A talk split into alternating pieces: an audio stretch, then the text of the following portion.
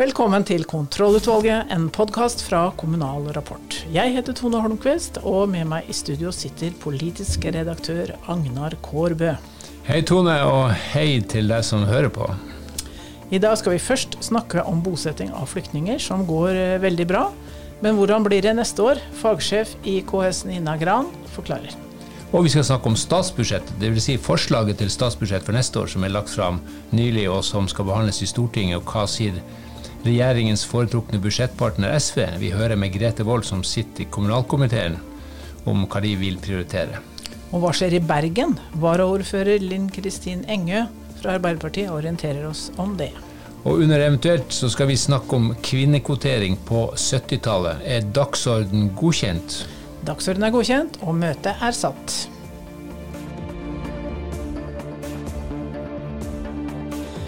Da skal vi snakke om eh, flyktninger og bosetning, og som alltid så må vi jo da snakke med fagleder i KS, Nina Gran. Eh, kan du si litt om hvordan det går med bosettinga i 2022? Det går veldig bra, og det har jo vært bosatt nå nærmere 22 000 siden slutten av april. Så det er jo en enorm bosetting, og langt, langt høyere enn noen gang tidligere. Ja, det er et rekordtall eh, for et år. For et, et, det må vel være et rekordtall for ett år? Ja, det er jo like mye som vi gjør. Man bosetter på fire-fem år. Ja, og, og, målet er 35 000 i år. Klarer vi det? Ja. Det kan bli vanskelig, fordi uh, det er jo en god del igjen, men vi har regna med at vi i hvert fall kommer til å komme godt over 30 000, kanskje noen og 30. Men det kan bli utfordring med å få bolig til 35 000 i år. Ja. Hvem er det som eh, kommer? I Hovedsakelig så er det jo folk fra Ukraina nå. Ja. Og så er det 3000 overføringsflyktninger som skal bosettes. Og noen som kommer som asylsøkere utenom Ukraina. Hvilke land er, er, det, det, er det de kom fra? Det er jo Syria, Afghanistan, noen afrikanske land, vel. Det er ikke mange av den gruppen nå. Nei, og neste år altså mange Over 30 000 skal bosettes i år, men like mange neste år, tror dere? Ja, det anslår man. Nå skal det endelige tallet fastsettes i Nasjonalt utvalg førstkommende torsdag. Men eh, vi regner med at det blir godt over 30 000 også neste år. Man har vel forventet at det kommer 30 000 bare fra Ukraina. Hvordan skal vi få bosatt dem? Er det mer eh, plass igjen? Man kan jo si at nå har vel kommunene støvsugd eh, både private og kommunale leiemarkedet. Og er, man har jo klart å skaffe boliger til veldig, veldig mange. Det som blir utfordringen nå, er jo at det ikke finnes noe, noe tilskudd fra Husbanken til utleieboliger. Og i statsbudsjettet for neste år så er det faktisk foreslått å kutte hele tilskuddet. Så det vil bli en stor utfordring. Ja, Konsekvensen av det, at det ikke blir tilskudd til utleieboliger? Det betyr jo at uh, kommunene ikke får samme mulighet til å istandsette, kjøpe eller bygge boliger til eh, bruk for bosetting. Fordi det vil bli veldig dyrt. Og dette har jo vært et av de viktigste virkemidlene tidligere. Men i, i, fjor kom det jo heller ikke noe ekstra midler. Selv om man ble lovet det, så ble jo det reversert i revidert. Så mange kommuner hadde egentlig planer om å istandsette boliger, ledige boliger til leiligheter, men det ble lagt på is da det ikke var mer igjen av tilskuddet. Og da hadde de kanskje håpet at de kunne benytte det ved neste års tilskudd, som da foreslås settes i null. Hva kan KS gjøre med det? Kan dere påvirke regjeringa i noen positiv retning? Vi vil jo gjøre det vi kan for å, for å ta det opp eh, når det skal behandles i, i, Stortinget. Vi håper jo at man vil eh, fortsatt vil beholde tilskuddet. Det er jo faktisk egentlig behov for å øke det framfor bare å beholde det. For det, et, det, vil være det viktigste, et av de viktigste i hvert fall, eh, midlene for at vi skal nå en så stor bosetting et år til. Hva, hvis vi ikke får det til, eh, vil det da bety veldig fulle mottak? Ja, det er fare for det. at Da blir det i hvert fall mye lengre ventetid i mottakene. hvis ikke kommunene finner eh, boligløsninger raskt. Og som sagt, det er, det er tatt i bruk veldig mye av det, den muligheten som har ligget der. For folk har stilt opp med eh, de som har hatt ledige rom, har også ønska å leie ut til eh, ukrainerne. Ja. Det har vært veldig mange som har stilt opp og leid ut. Og kommunene har jo også gått gjennom egen boligmasse og, og brukt det de har kunnet der. Hva, har dere ingen eh, knep oppi ermet hvis dette, ikke, dette tilskuddet ikke kommer tilbake på statsbudsjettet? Nei, det blir vanskelig. Hva må man i man, man, må jo ha en viss standard på boligene. Man kan spørs hvor mye man kan avvike fra det hvis man skal klare å, å skaffe boliger. Og, og, det kan bli dyrt for kommunene hvis det ikke kommer tilskudd fra Husbanken. Ja. Men eh, kommunene har vært flinke, vil du si. Til, I år har de stått på? Kommunene har stått på veldig, og de som jobber i kommunene er, eh, har gjort en kjempeinnsats. og det spørs jo om de klarer å holde samme tempo et år til. Så det kan nok også bli behov for å bygge ut tjenesten videre. For nå er det jo Hvis det blir bosatt nærmere 70 000 i løpet av to år, så vil det jo faktisk være en enorm innsats for opplæring som er neste runde her. Og veldig mange skal jo ha introduksjonsprogram, norsk eller engelskopplæring. Og det vil kreve veldig mye fra kommunene. Så den dugnaden som er gjort i år, det er nok bare starten på en like stor jobb neste år. Og Vi ser vel heller ikke at de som har kommet i år, eh, reiser tilbake? Ikke foreløpig. Det er eh, noen få som rapporterer om det, men vi har inntrykk av at det er ganske liten andel som eh, reiser tilbake, og, eller ønsker å reise tilbake nå. Ja.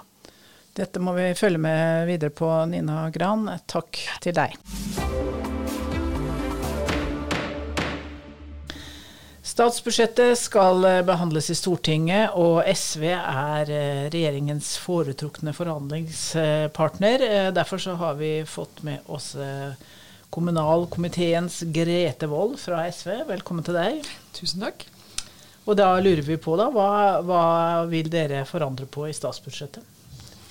Vi vil jo først og fremst eh, prøve å få dette budsjettet i en mer omfordelende og mer klimavennlig retning. Det er klart at det er mye bra i det budsjettet som er lagt fram. Det er mye god politikk som ligger i det som regjeringen nå har lagt fram som sitt første egentlig ordentlige budsjett. Så det er veldig mye her som vi har hatt på blokka, men som vi nå kan kvittere litt ut, fordi de faktisk kommer oss litt i møte på noe av det som er viktig for oss.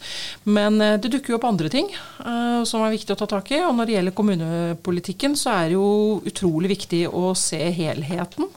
Og vi får jo tilbakemeldinger fra mange kommuner om at det er veldig, veldig stramme tider. Det er veldig høy belastning.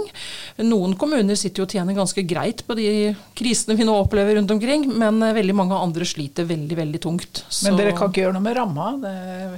Det 2,6 milliarder ble det sagt. Dere, kan dere få den eh, litt opp? For det er vel KS sitt eh, det er nok, første ja. ønske? Vi, eh, jeg kan ikke gå inn på detaljer på hvor vi kommer til å legge trykket hen, men det er klart at vi, vi ønsker jo selvfølgelig å få en styrka kommuneøkonomi. Og så er det jo noe med ramma og frie midler, og så er det veldig mange andre poster under der som også rammer kommunene. Så. La oss gå på noen sånne mer konkrete ting, som f.eks. klimasats. Mm -hmm. Det har jo vært en suksess, og kommunene har brukt det mye, og det har gitt eh, god virkning, men nå plutselig helt borte. Ja, det er jo en av de tingene som vi blir nødt til å se på. Og ikke minst eh, Husbankens rolle også i forhold til eh, hvordan man bygger opp denne litt videre. Så det er jo en av de tingene vi ser på. Hvilke andre ting, for å gå på enkeltposter? Vi har jo mange ting på blokka nå. Og så ja. er det klart at det er jo begrensa hva vi kan klare å ordne. Eh, vi sitter ikke med den største kjøttvekta inn i forhandlingsrommet, så det er klart at eh, det å legge hele, hele jobben på hva vi skal fikse, det blir nok litt urealistisk. Men eh, vi har mer å hente på helsedelen, det er ikke tvil om. Det kommer en god satsing på fastleger, men vi har hele kjeden i forhold til helse. Mange kommuner tilbakemelder at de fortsatt har et stort etterslep etter pandemien pandemien og ønsker seg tydeligere signaler på det. Nå har jo regjeringen lovet at de skal komme tilbake til det. Kompensasjon på utgifter Kompensasjon i år? Kompensasjon for alle utgifter som eh, har vært knytta til pandemien. og Der eh, ser vi at det er et etterslep mange steder. og det etterlyser jo mange lokale politikere, og vi går inn i et lokalvalg, så det er jo viktig for oss å skape mest mulig forutsigbarhet for kommunene på det. Dette budsjettet skal jo ikke bidra til at vi får enda mer press i økonomien, sier finansministeren. Hvordan håndterer dere det dilemmaet mellom å sørge for at det ikke blir for mye press i økonomien, og den evige lysta som eh, SV har til å bruke enda litt mer penger på veldig mange gode formål. Ja. Det er klart at det, en, eh, det å være politiker handler om å prioritere. og det er Jo tøffere tider, jo tøffere prioriteringer. og det er klart Vi ønsker heller ikke å bruke mer penger for å sette mer press på økonomien. Vi forholder oss til de rammene som, som ligger der, men det er klart det blir en tøffere prioritering internt. Og så ønsker jo kanskje regjeringen å satse på noen ting som ikke vi satser på i så mye grad. Så vi ønsker jo å kutte ned på store motorveiprosjekter som rundt omkring i land og strand ikke nødvendigvis blir like godt tatt imot, men vi ønsker jo å bygge litt annerledes enn det kanskje mange andre ønsker. Hvilke motorveier har dere sett på? Vi har flere på blokka, og jeg må bare ærlig innrømme at jeg har ikke full oversikt. Det er Transport som sitter og jobber med det, men det er noen flere prosjekter som blir eh, etter vårt ønske ønskes å settes mer på vent, i hvert fall. Det er det. Men vi ønsker å satse på rassikring og trygge veier. Det er, eh, må også nevnes. Så det handler ikke om å ta det bort, men det handler om å prioritere litt annerledes. Men er det ikke et poeng å signalisere fra nasjonale politikere også til kommunesektoren at her er det litt strammere tider, litt tøffere tider, en usikker eh, framtid? Jeg tror det signalet allerede er mottatt der ute. Ja. Jeg tror de fleste som sitter og jobber med politikk på alle nivåer, skjønner at det her er det en unntakstilstand på mange måter. Og så blir jo spørsmålet hvor, hvor lenge varer det unntaket, eh, og hvor mye av det kommer vi faktisk måtte leve med lang tid fremover. Så det er jo det er mange forhold som spiller inn. og vi må nok kanskje stramme liv, livreima alle mann, men eh, det aller viktigste er jo at det er de som faktisk har litt å stramme inn, som faktisk gjør det, og ikke de som sitter nederst på bordet. Har du én sak som du nå eh, gjerne vil ha igjennom i forhandlingene? Jeg har en lang liste, eh, og det har alle fraksjonene. Men eh, jeg synes jo boligpolitikken er en av de områdene som eh, er viktig for meg. Både boligpolitikken og også flyktning- og asylpolitikken er to områder som er høyt på min liste. Det Henger godt sammen også? Det gjør det også. Ja. Og investeringstilskuddet fra Husbanken som faller bort. og det er, det er mange områder her som egentlig konkurrerer om førsteplassen også. Ja, da sier vi takk til deg, Grete Wold, og så ser vi åssen det går med statsbudsjettet videre framover.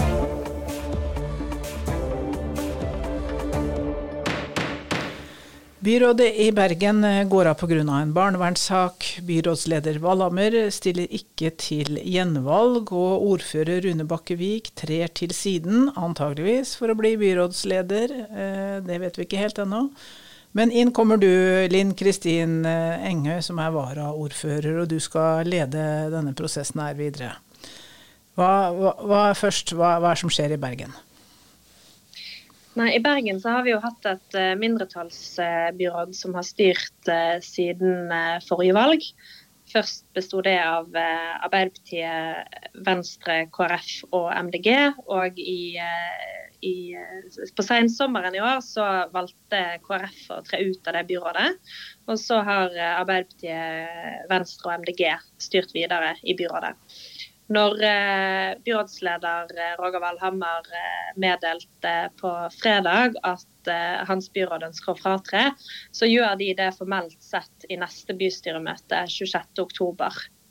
Eh, og når det fremmes i det møtet, så er det sånn at eh, ordfører da formelt får oppdrag med å peke på hvem som skal danne et nytt byråd. Mm, men han må trett til side i denne prosessen her nå, har han ikke det? Jo.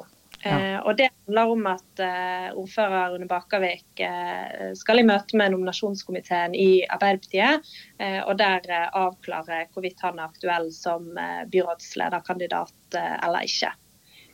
Nettopp. Og da er det du som eh, rykker opp og skal lede prosessen videre?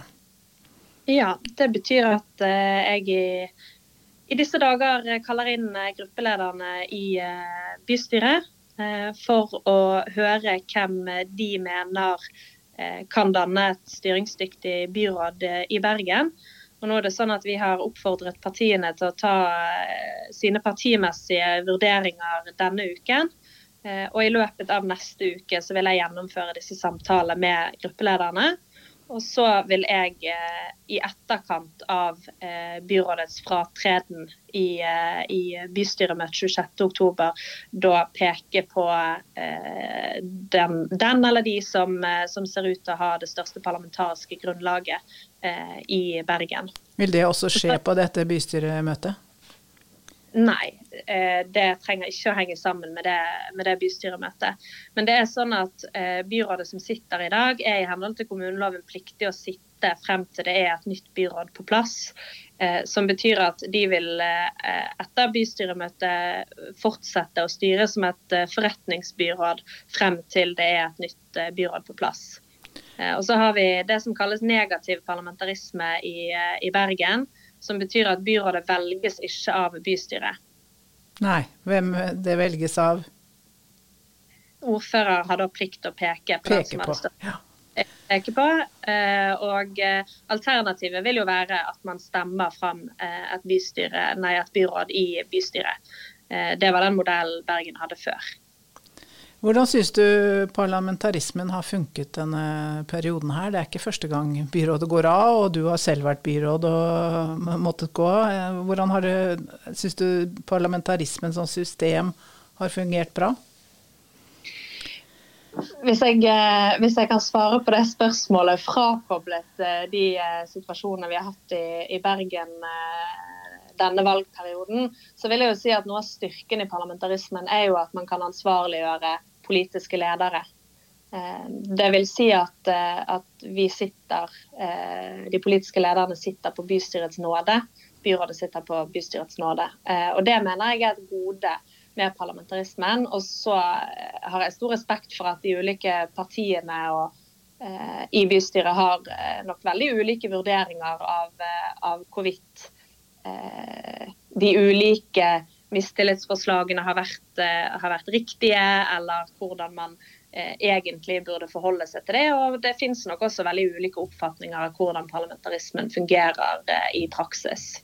Og Det tenker jeg er en, en legitim diskusjon som er en del av det å ha en styringsform. Kommer du til å stille som ordførerkandidat? Jeg eh, har et eh, ønske om å avklare det i de interne prosessene vi har i partiet, før jeg svarer på det. Ja, nettopp. Ja, men vi følger med videre på hva som skjer i Bergen, så takk til deg, eh, varaordfører Linn Kristin Engø.